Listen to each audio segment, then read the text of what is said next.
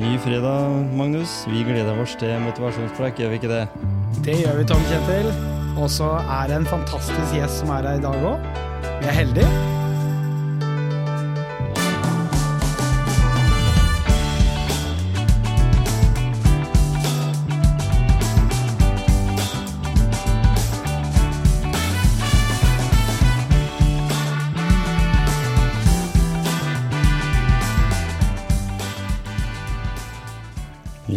Han som har kommet her i dag, han kom eh, fra en fjelltopp nær deg. Eh, Torgeir Udal, velkommen. Det er andre gangen du sitter her i motivasjonspreikstudio. det. Ja, I episode 56, faktisk, så var du sammen med Gisle og, og meg nede på Klosterøya. det stemmer det. Ja, Det var i forbindelse med Gaustatoppen og skikjøring og, ikke sant? og litt sånne ting. Ja, så Det det var ikke- jo det er- veldig morsomt, det. Ja, ikke sant? Og det er ikke umulig at vi kommer inn på det i, i dag heller, fordi du er jo en aktiv mann på, på Telemarks eh, tak. Ja, du, jeg, jeg jo, kjø, kjører jo en del turer i løpet av vinteren, og nå har det jo vært en, egentlig en litt dårlig vinter eh, med lite snø i, i, eh, i Gaustatoppen. Men det er jo mange andre alternativer òg, så jeg har vært på ski hver eneste helg, jeg. Og til og med helt fram til, eh, til nå uka som var, i forbindelse med Tour of Norway, så fikk jeg et oppdrag for TV 2. Jeg så du hadde lagt ut noen videosnutter, og da kjørte du på. Det var ikke mye snø, men du hadde funnet den snøen som var.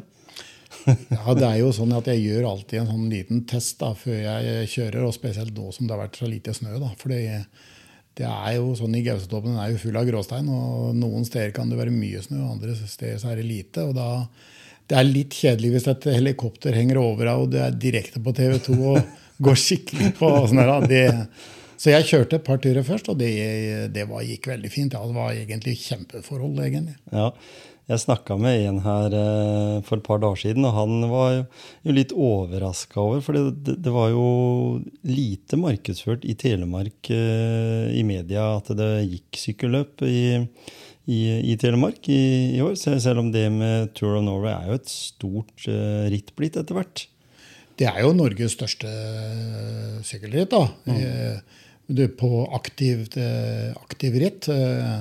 Så ja, jeg er litt enig med deg. Det, er, det var litt dårlig tatt fram i media. Nå, nå var det jo en del folk som var der, da, for jeg sto jo i eh, Etter at jeg hadde kjørt, så sto jeg nøye i veien der, og det var jo en del folk. Men det er klart det skulle være veldig mye flere. Men det er klart, når det er en fem-seks grader, eh, så jeg syns ikke folk det er så moro å stå der i, i lange tider heller, da.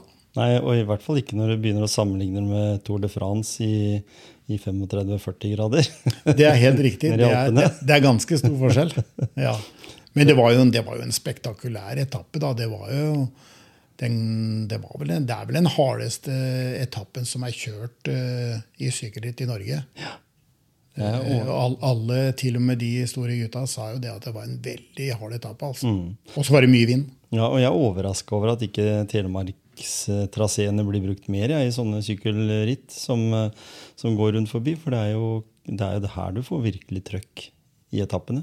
Si, Nærmest, som du sier, nærmest å sammenligne med deler av Alpene og sånt. i forhold til, Selv om, selv om Gaustatoppen er på 1883 meter eller noe, så, så, så er det jo litt sånn sammenlignbart med Mont Blanc og, og de områdene der nede. Rjukan kontra fjellet. Det er jo, jeg sier jo, jeg, jeg sier jo alltid sånn at eh, Rjukan har Gaustatoppen, mens Chamonix har Mont Blanc. Og det er jo litt samme, fordi eh, Chamonix er jo en liten by. Det bor vel 10 000 fastboende der. og de har vel ganske store turistmengder til Chamonix, og det er jo selvfølgelig pga.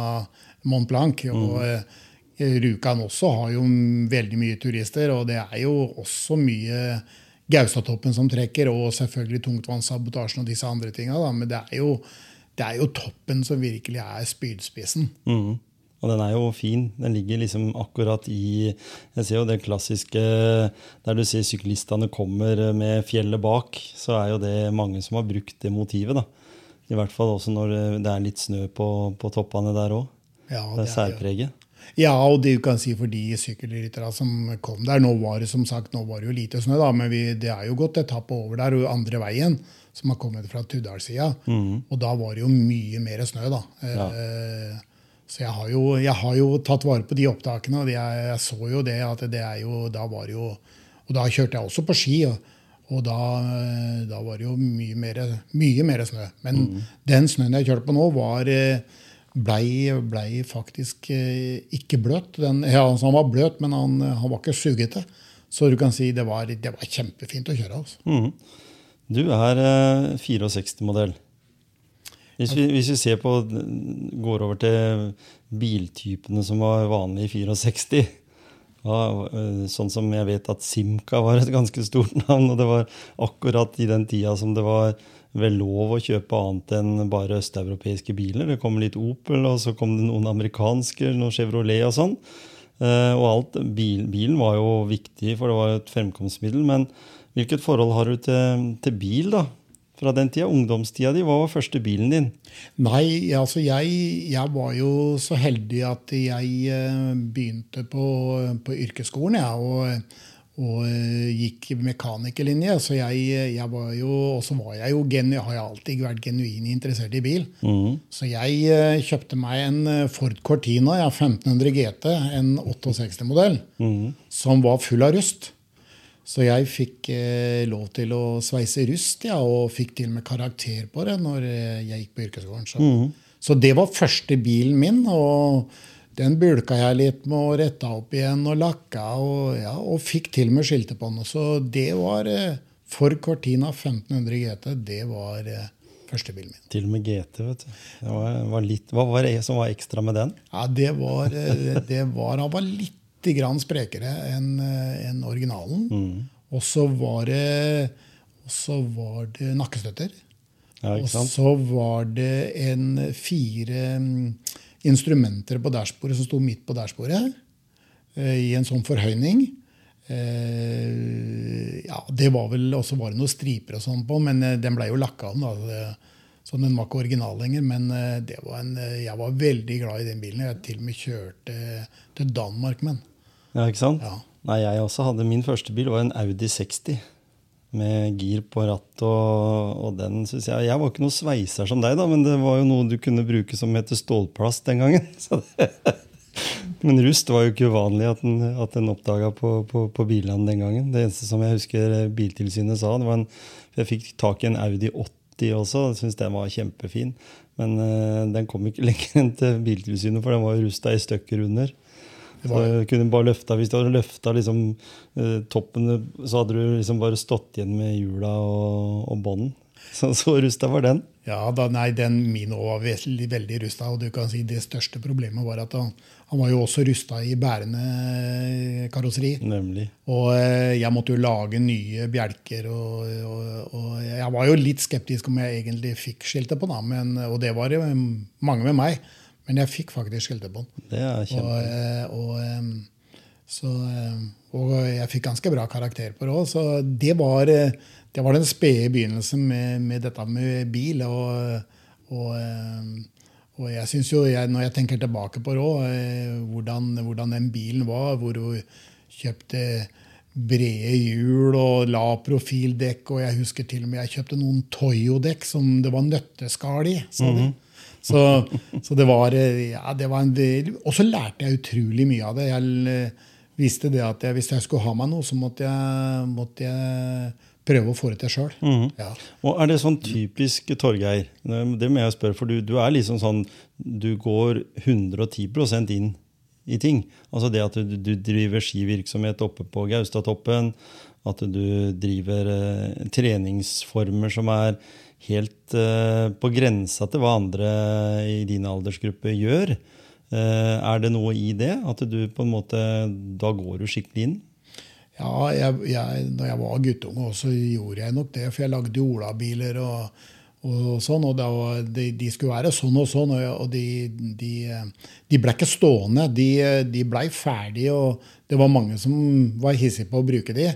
Og, eh, og, eh, så det, er, det, er, stemmer nok det at eh, når jeg først begynner noe, først setter meg noe i huet, så så prøver jeg å gjennomføre på best mulig måte og gjøre det best mulig ut ifra det jeg kan. da. Mm, og olabil og Rjukan, det hører vel godt sammen. Det var litt nedoverbakker der?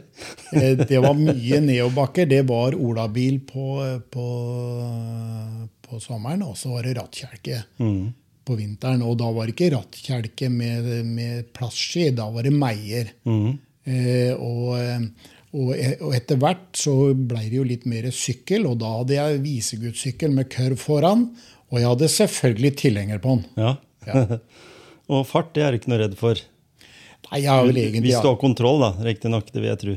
Ja, men jeg har ikke alltid hatt kontroll heller. Så, men, men eh, når jeg var yngre, så eh, kjørte jeg jo sykkelritt, og, og jeg hvelva mye. Og jeg har mye kutt på kroppen, og jeg slo meg en del. Og det gjorde jeg jo også i, når jeg begynte i Gaustatoppen som en sånn 16-17-åring. med med såkalt lange fjellski, to ti med to ti lange. Og jeg var jeg er jo ikke så veldig lange karen, jeg, da. Så, så jeg, jeg, har, jeg, har, jeg, har, slått meg en del òg, da. Jeg har jo Så når jeg har blitt eldre, så er jeg vel litt mer Bruker jeg litt mer hodet og tenker litt mer konsekvenser enn jeg gjorde når jeg var yngre. Jeg må jo bare innrømme det. Mm.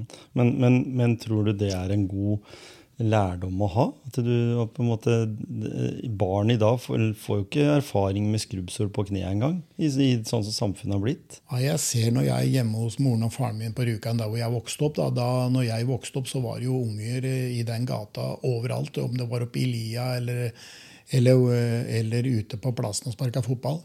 Nå når du går ut nå, så ser du ikke en eneste unge. Så, så, det er klart, samfunnet har jo forandra seg veldig mye. da, og det er klart, jeg er, jo, jeg er jo bare vant til å være ute. altså Du kan ikke sette meg inne, ikke kan du sette meg på et kontor, og ikke kan du kan ikke sette meg heller til å trene på et helsestudio, for det er helt uinteressant for meg. Mm, mm.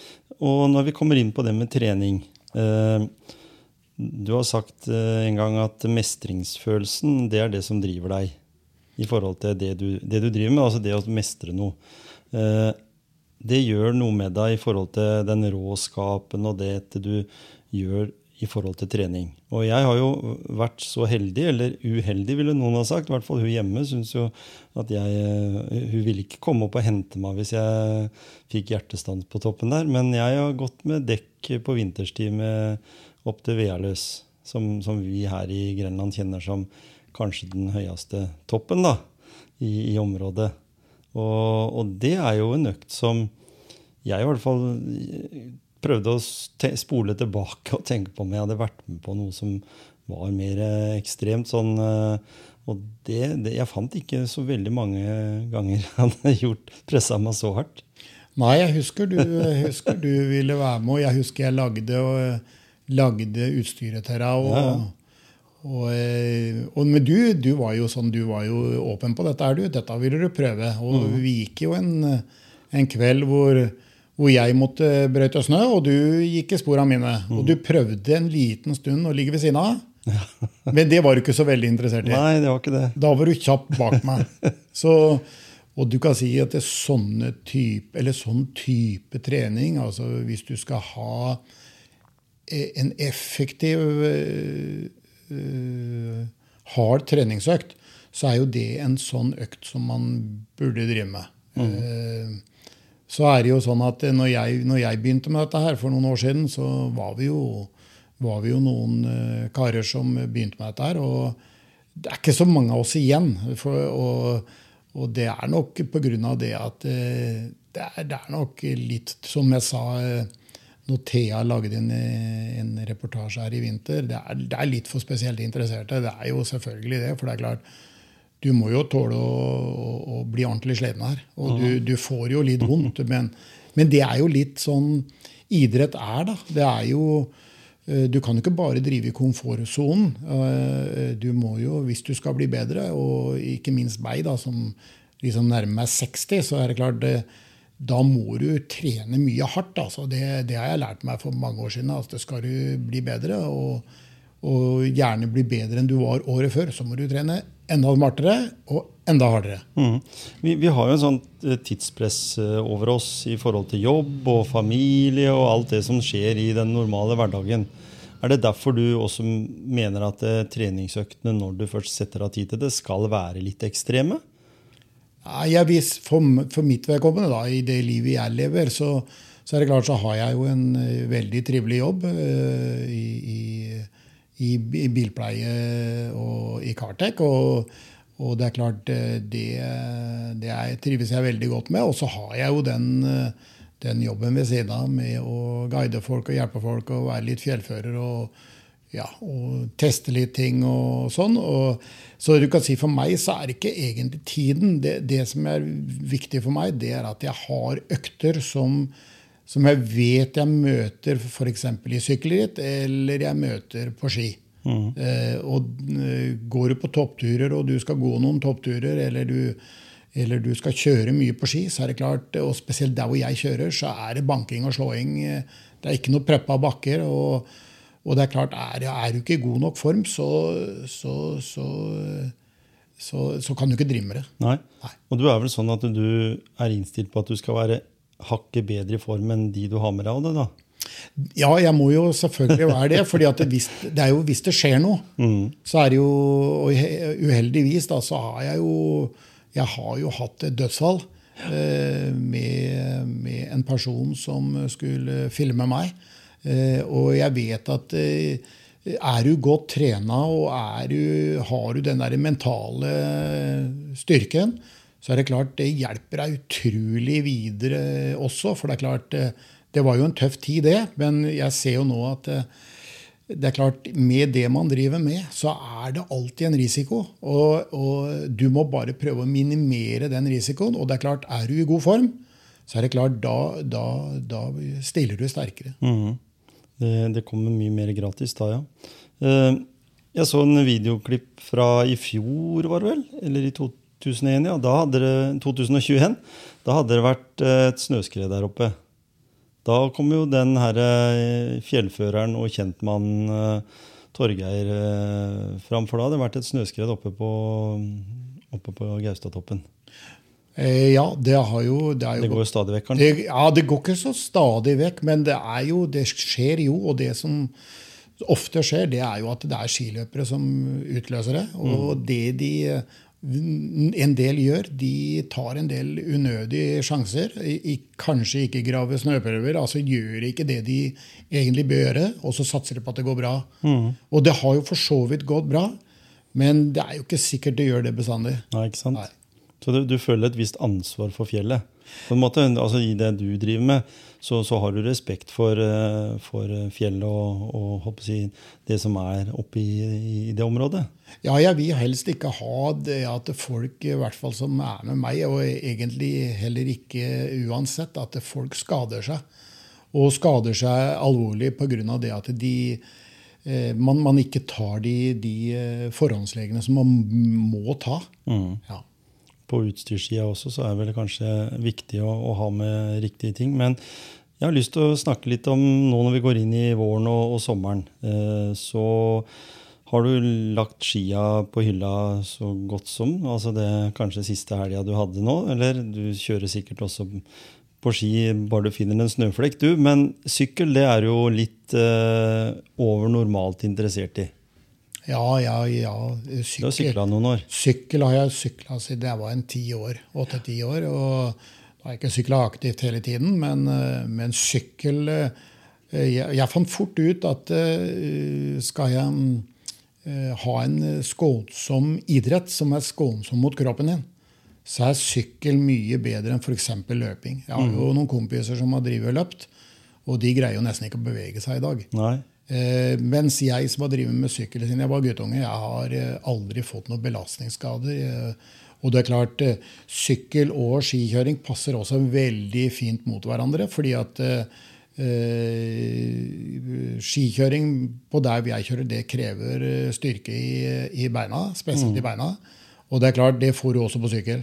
Mm. Eh, og knærne dine de må være helt i orden hele tiden. For begynner du å slurve og begynner å få dårlige knær, da sliter du både med sykkel, og du sliter også ikke minst med skikjøring. Mm. Det er som du sier, du hører sjelden uh, etterskader etter aktive karrierer på syklister. da. Du gjør jo det. Det er sjelden du har grove, altså at de sliter med, med, vonde knær og vonde ankler og sånn, det, det, er jo ikke, det er veldig jevn belastning antagelig. Men hvor langt eh, nådde du, og kunne du nådd lenger på sykkel? Hvis du hadde satsa litt annerledes? Ja, det kunne jeg helt sikkert. Jeg Hadde jeg jobba hardere og, og, og, sånn den gangen og kan det jeg kan, eller altså hadde lært meg det jeg kan i dag om trening, så kunne jeg nok det. Mm. Ja. Men det var så mye annet òg som trakk.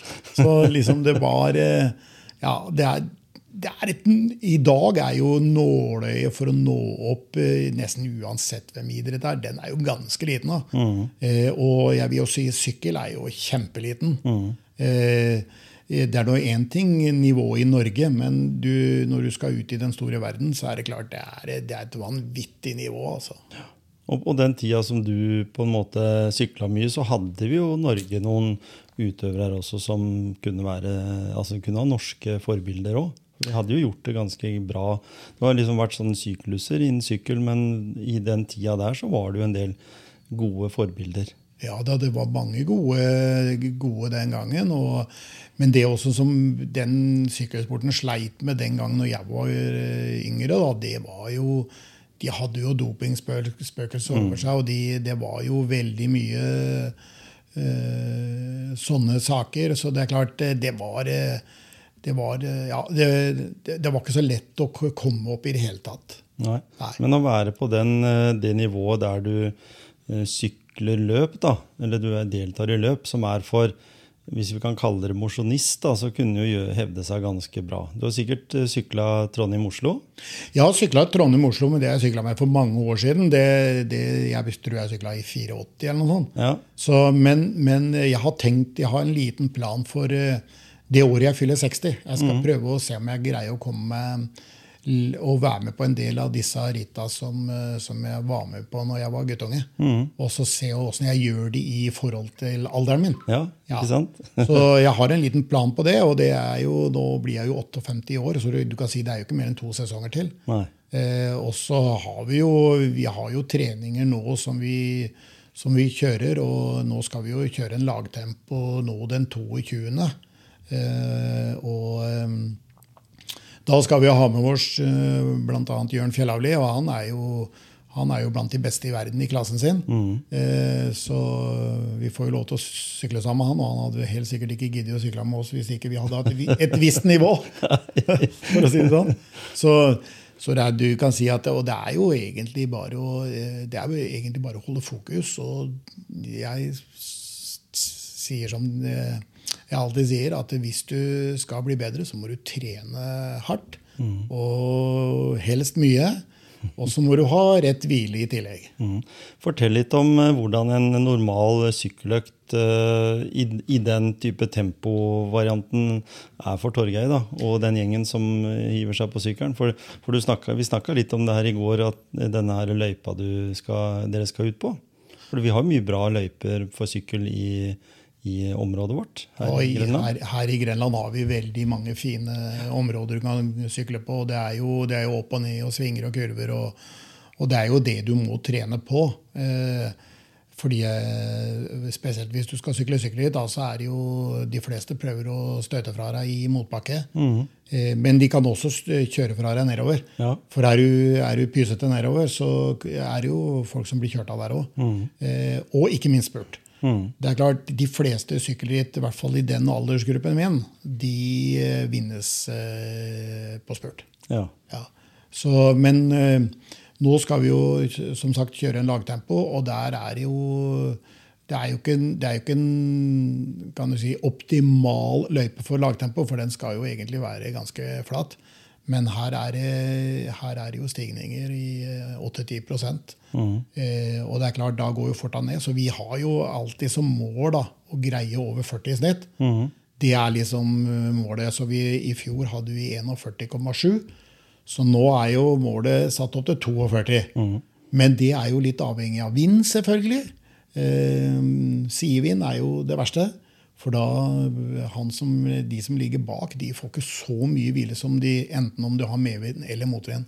Så det er mange andre parametere som kommer også inn i bildet da, når det gjelder å holde, greie å holde en snittfart. Og det er klart, eh, vi, som, eh, vi tre som skal sykle der, da, vi har jo en snittalder på 5-56 år.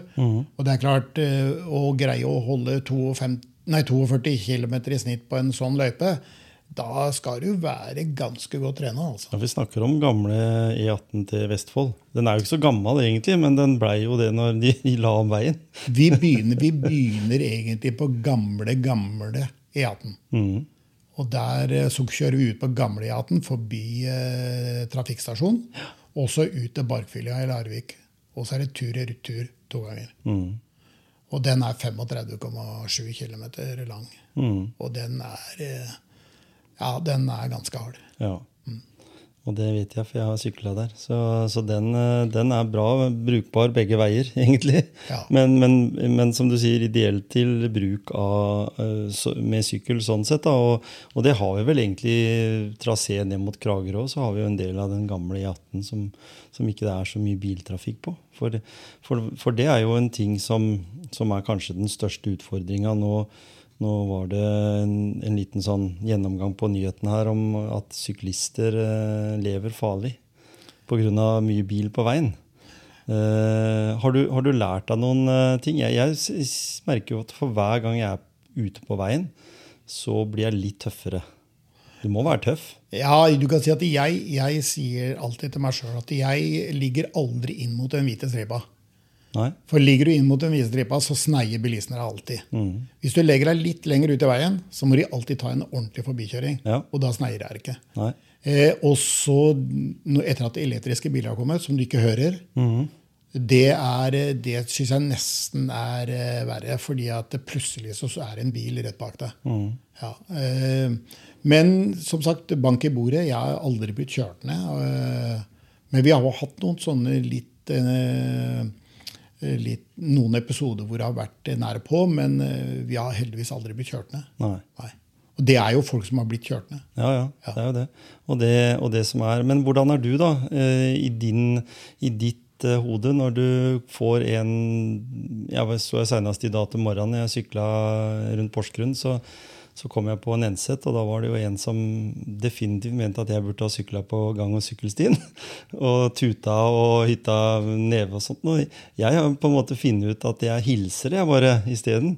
Eh, Er du den som hilser, eller viser du fingeren? Nei, jeg hilser. Ikke sant? Ja. Tusen takk, sier jeg. Ja, takk for at du brydde deg om at uh, jeg var her. Takk for at du ikke kan trafikkreglene. fordi jeg, jeg kan ikke sykle på en gang- og sykkelsti. Nei, Fordi at jeg sykler i 30-40 km i timen. nemlig. Og du kan ikke komme på gang- og sykle i 30-40 km i timen. Men Der går det folk med bikkjer og barnevogn og alt mulig rart. Og jeg vil jo si det at det er egentlig litt feil eh, fra staten som når de bygde disse veiene.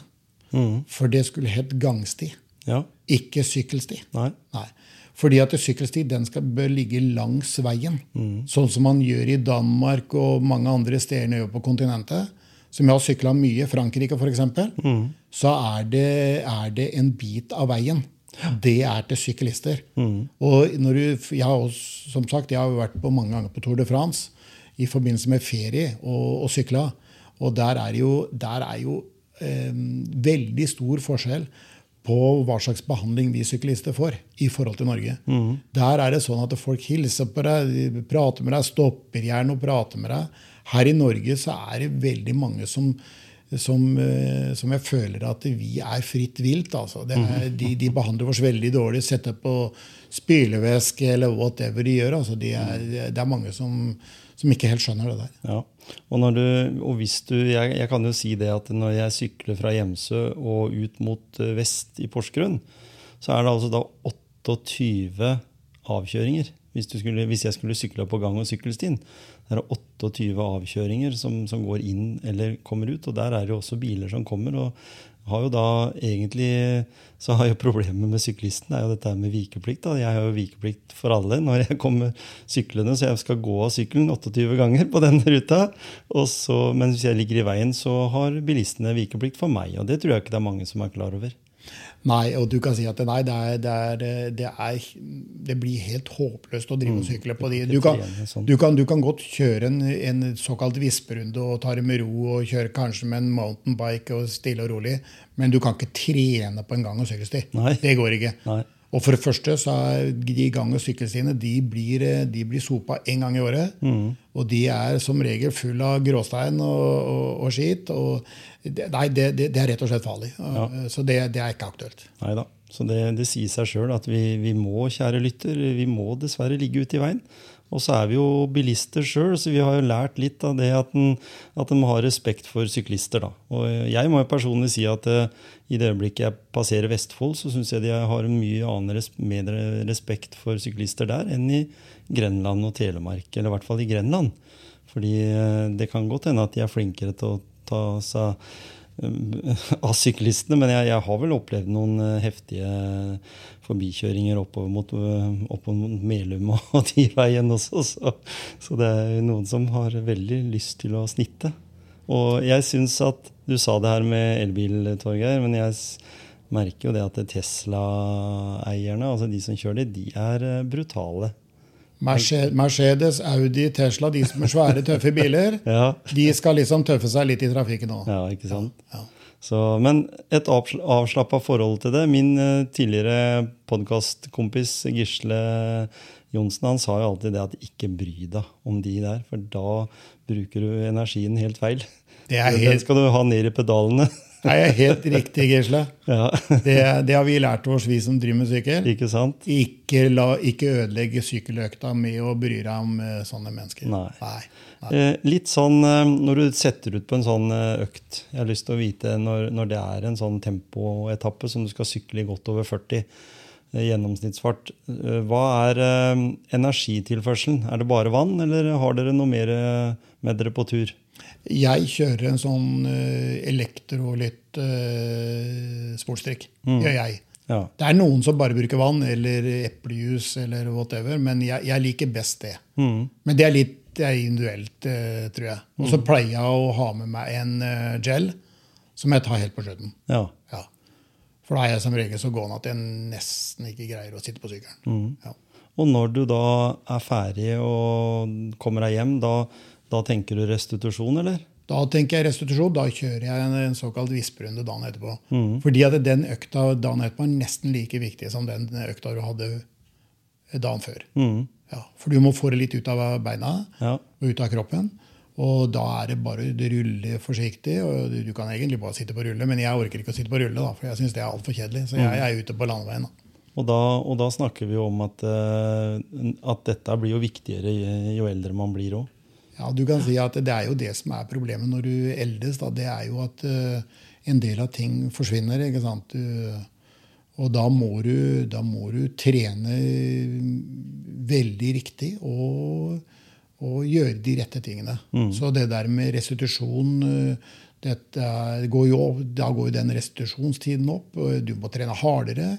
Du må, du må være lurere, rett og slett. Altså. Mm. Så det er eh, klo, klok avgjørelser, kloke avgjørelser å ta når en, når en, er ute og trener, de gangene en trener. Og Hvor ofte føler du at det er mulig å kjøre sånne økter i løpet av en uke? Jeg prøver å, jeg prøver å kjøre tre harde økter i uka. Mm. Det, da pleier jeg som regel å kjøre mandag, torsdag og lørdag. Mm. Eh, men jeg forandrer litt, for jeg, jeg liker jo den VA-løsturen. Og det gjør jeg rett og slett fordi at da får jeg litt annen belastning. fordi at sykkel er litt sånn at, eh, at du danner en del laktat i beina. Mm. Og for å få ut det laktatet på best mulig måte, så eh, syns jeg det er veldig fint å gjøre noe annet. Ja. Eh, enten om du går en tur i skogen eller, eller tar en VR-løstur. Og jeg får ikke så veldig mye laktat i beina med mm, de dekksleppturene til VLS. Da blir jeg heller mye mer ut, utarma. Mm. Men jeg kommer meg ganske fortere igjen. Så, så, så det syns jeg er en veldig fin kombinasjon. Og da, og da snakka vi om en VR-løs tur på type tre kvarter? Med, med dobbelt sett med bildekk? Eh, ja, det er litt avhengig av underlag og sånn. Men, eh, men, de siste gangene nå eh, på sommerføre så har jeg ligget fra 6, på sånn 6-47 minutter. Mm. Så jeg går, jo, jeg går, jo, alt jeg kan. Ja. Så, og skal jeg opp på tre dekk, så tipper det 4, 55 og 56 minutter. Mm. Litt også avhengig av underlaget. Og vi snakker om tid som de fleste som går uten dekk, bruker. Ja, det er, det, er, det, er litt, det, er litt, Jeg har fått mange kommentarer om det, at uh, du går fortere med dekk enn jeg greier å komme opp uten. Ja. Ja. Så, men det også har jo selvfølgelig med trening å gjøre. Det, Ja, det er jo mange som ja, det er mange som tror de er i veldig god form, da. Og så prøver de seg på litt sånne hardere turer, og så finner de fort ut at eh, jeg var ikke så god form likevel. Nei. Nei. Så vi har en, en, en, god episode fra, fra tirsdagstreninga på sykkel. Da var det en eh, kar, han var eh, 30 år gammel. Han hadde sykla aktivt da han var yngre. Og følte sjøl at han var i ganske god sykkelform. Så, og da skulle vi kjøre tur-retur flittig, altså fra Borgåsen til Flittig og retur. Og da er det jo en del motbakke, spesielt oppover på skjøten. Og etter vi var ferdige, da, så var den helt hoderystende. da. Hvor fort vi gamle gutta greide å kjøre. Han måtte legge seg bakpå og ligge bak, og vi måtte dytte på han et par ganger òg. Og han var altså 30 år, og vi andre er jo snart 60. Så det der å trene riktig, Mm. Det er viktig. Altså. Og da hadde dere en gjennomsnittsfart på Da greide vi tur-retur på 38,6. mm. Eh, tur-retur flyt og kjørte den på 58 minutter og 40 sekunder. Mm. Og det er, bra, det er bra fart, fordi her snakker vi om bakker òg. Som, Det- som du ligger i type 12-13-14 km, kanskje? Ja, ja. Det er ca. antall høydemeter er 385. Mhm. Ja.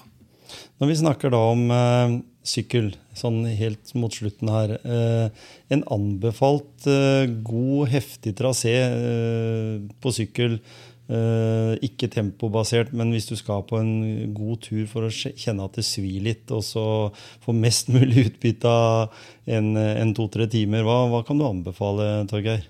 Nei, det er jo veldig mange fine steder her. Da. Det, er jo, det er jo litt avhengig av hvordan du, du, du skal sykle. Men, men jeg vil jo si den der turen vi kjører tur-retur flittig, den, eh, den er Det er mye kurver. Det er mye opp og ned.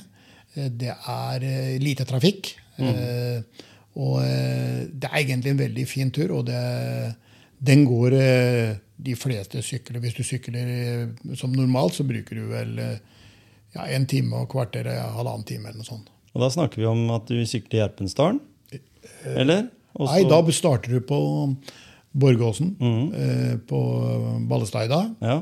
Og så sykler du ut ved Gjerpen kjerke, mm. og så opp Luksefjellveien. Nemlig. Opp til motorbanen, der hvor eh, asfalten slutter. Mm.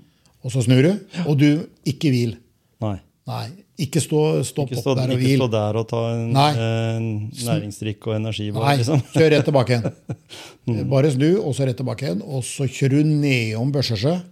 Ja. Og så kjører du Børsesjøbakken opp, og så inn ved Hjelpen kjerke igjen, og så bort til Borgåsen. Mm. Det er en veldig fin, eh, fin runde og veldig fint terreng å sykle i. Og der er det opp og ned og svinger. Og, for det er, det, det er jo litt viktig på sykkel, at du kan dette med å legge deg inn i kurver og når farta går opp. Og det er klart, det er denne her løypa veldig fin på. Mm. Og én liten brems der du skal stå og vente på, på bil eller et eller annet, det er jo noe du må ta igjen da de neste fem minuttene. Det er helt riktig, for du, du må jo selvfølgelig ta hensyn til kryss og biler og, og sånn. Og da er det bare å trykke til og få med seg farta igjen. Så det er, jo, det, er jo, det er jo litt av alt her. Ja. Veldig interessant. Vi kunne prata masse om dette her, men jeg håper at noen av lytterne har fått liksom øynene opp for at eh, det ikke alltid bare er eh, enkelt og lettvint å komme i form på treningssenter og andre steder, men at det går an å presse seg sjøl uten at en eh, gjør noe gærent. Ja, du kan si at det er jo det, er jo det som, sånn som jeg tenker når jeg For jeg går, jeg, spesielt i Vealøs, så er jeg jo veldig mye aleine. Og jeg innstiller bare hodet mitt jeg, på at dette blir smertefullt. Uansett.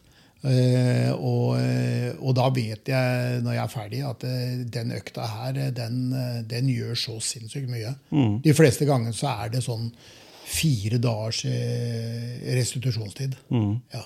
Men, men er det sånn da at hvis vi tenker motivasjonen i dette her, da du, du gjør det der fordi du ønsker å bli enda litt bedre neste gang du gjør det, eller er det for at du skal ha den bagasjen når du begynner å kjøre på ski igjen på høsten og vinteren? Eh, Det er egentlig det siste. For det er egentlig det jeg tenker mest på. fordi at eh, eh, når det blir mye oppdrag, og sånn, så, så vet jeg jo det at eh, det blir en del eh, turer. eh, Både lørdag og søndag. Og det er klart, eh, da må du være preppa for det, altså. Og, eh, og ikke minst hvis det skjer noe, så må jeg ha krefter til det òg. Ja. Men hva gjør det med deg da, som, som person? eh, Tenker du sånn overført i, i jobbsammenheng? Eh, er det viktig det energinivået du har for, for jobb? Altså, hvis jeg tenker folk som lytter til podkasten her, da. eh, for- er det viktig det Du har jo brutale økter som kanskje noen nesten dagen etterpå følte at eh, i dag orker jeg ikke på jobb. Men det er jo ikke sånn tilfelle. Du, du får energi av det. Jeg får energi, veldig mye energi av det. Ja. Ja. Og det, det var, jeg husker, eh, når jeg begynte med de VR-løsturene, så var jeg ganske sliten dagen etterpå. Men nå når jeg har gjort det noen ganger, så kjenner jeg ikke det på den måten. Jeg kjenner selvfølgelig at jeg har, jeg har vært ute. Du kjenner det jo spesielt i beina og i, og i overkroppen, men, men eh, ikke på den måten som det var i begynnelsen. Nei. Så det er en god, eh, god økt, også en, en energibyggende treningsform.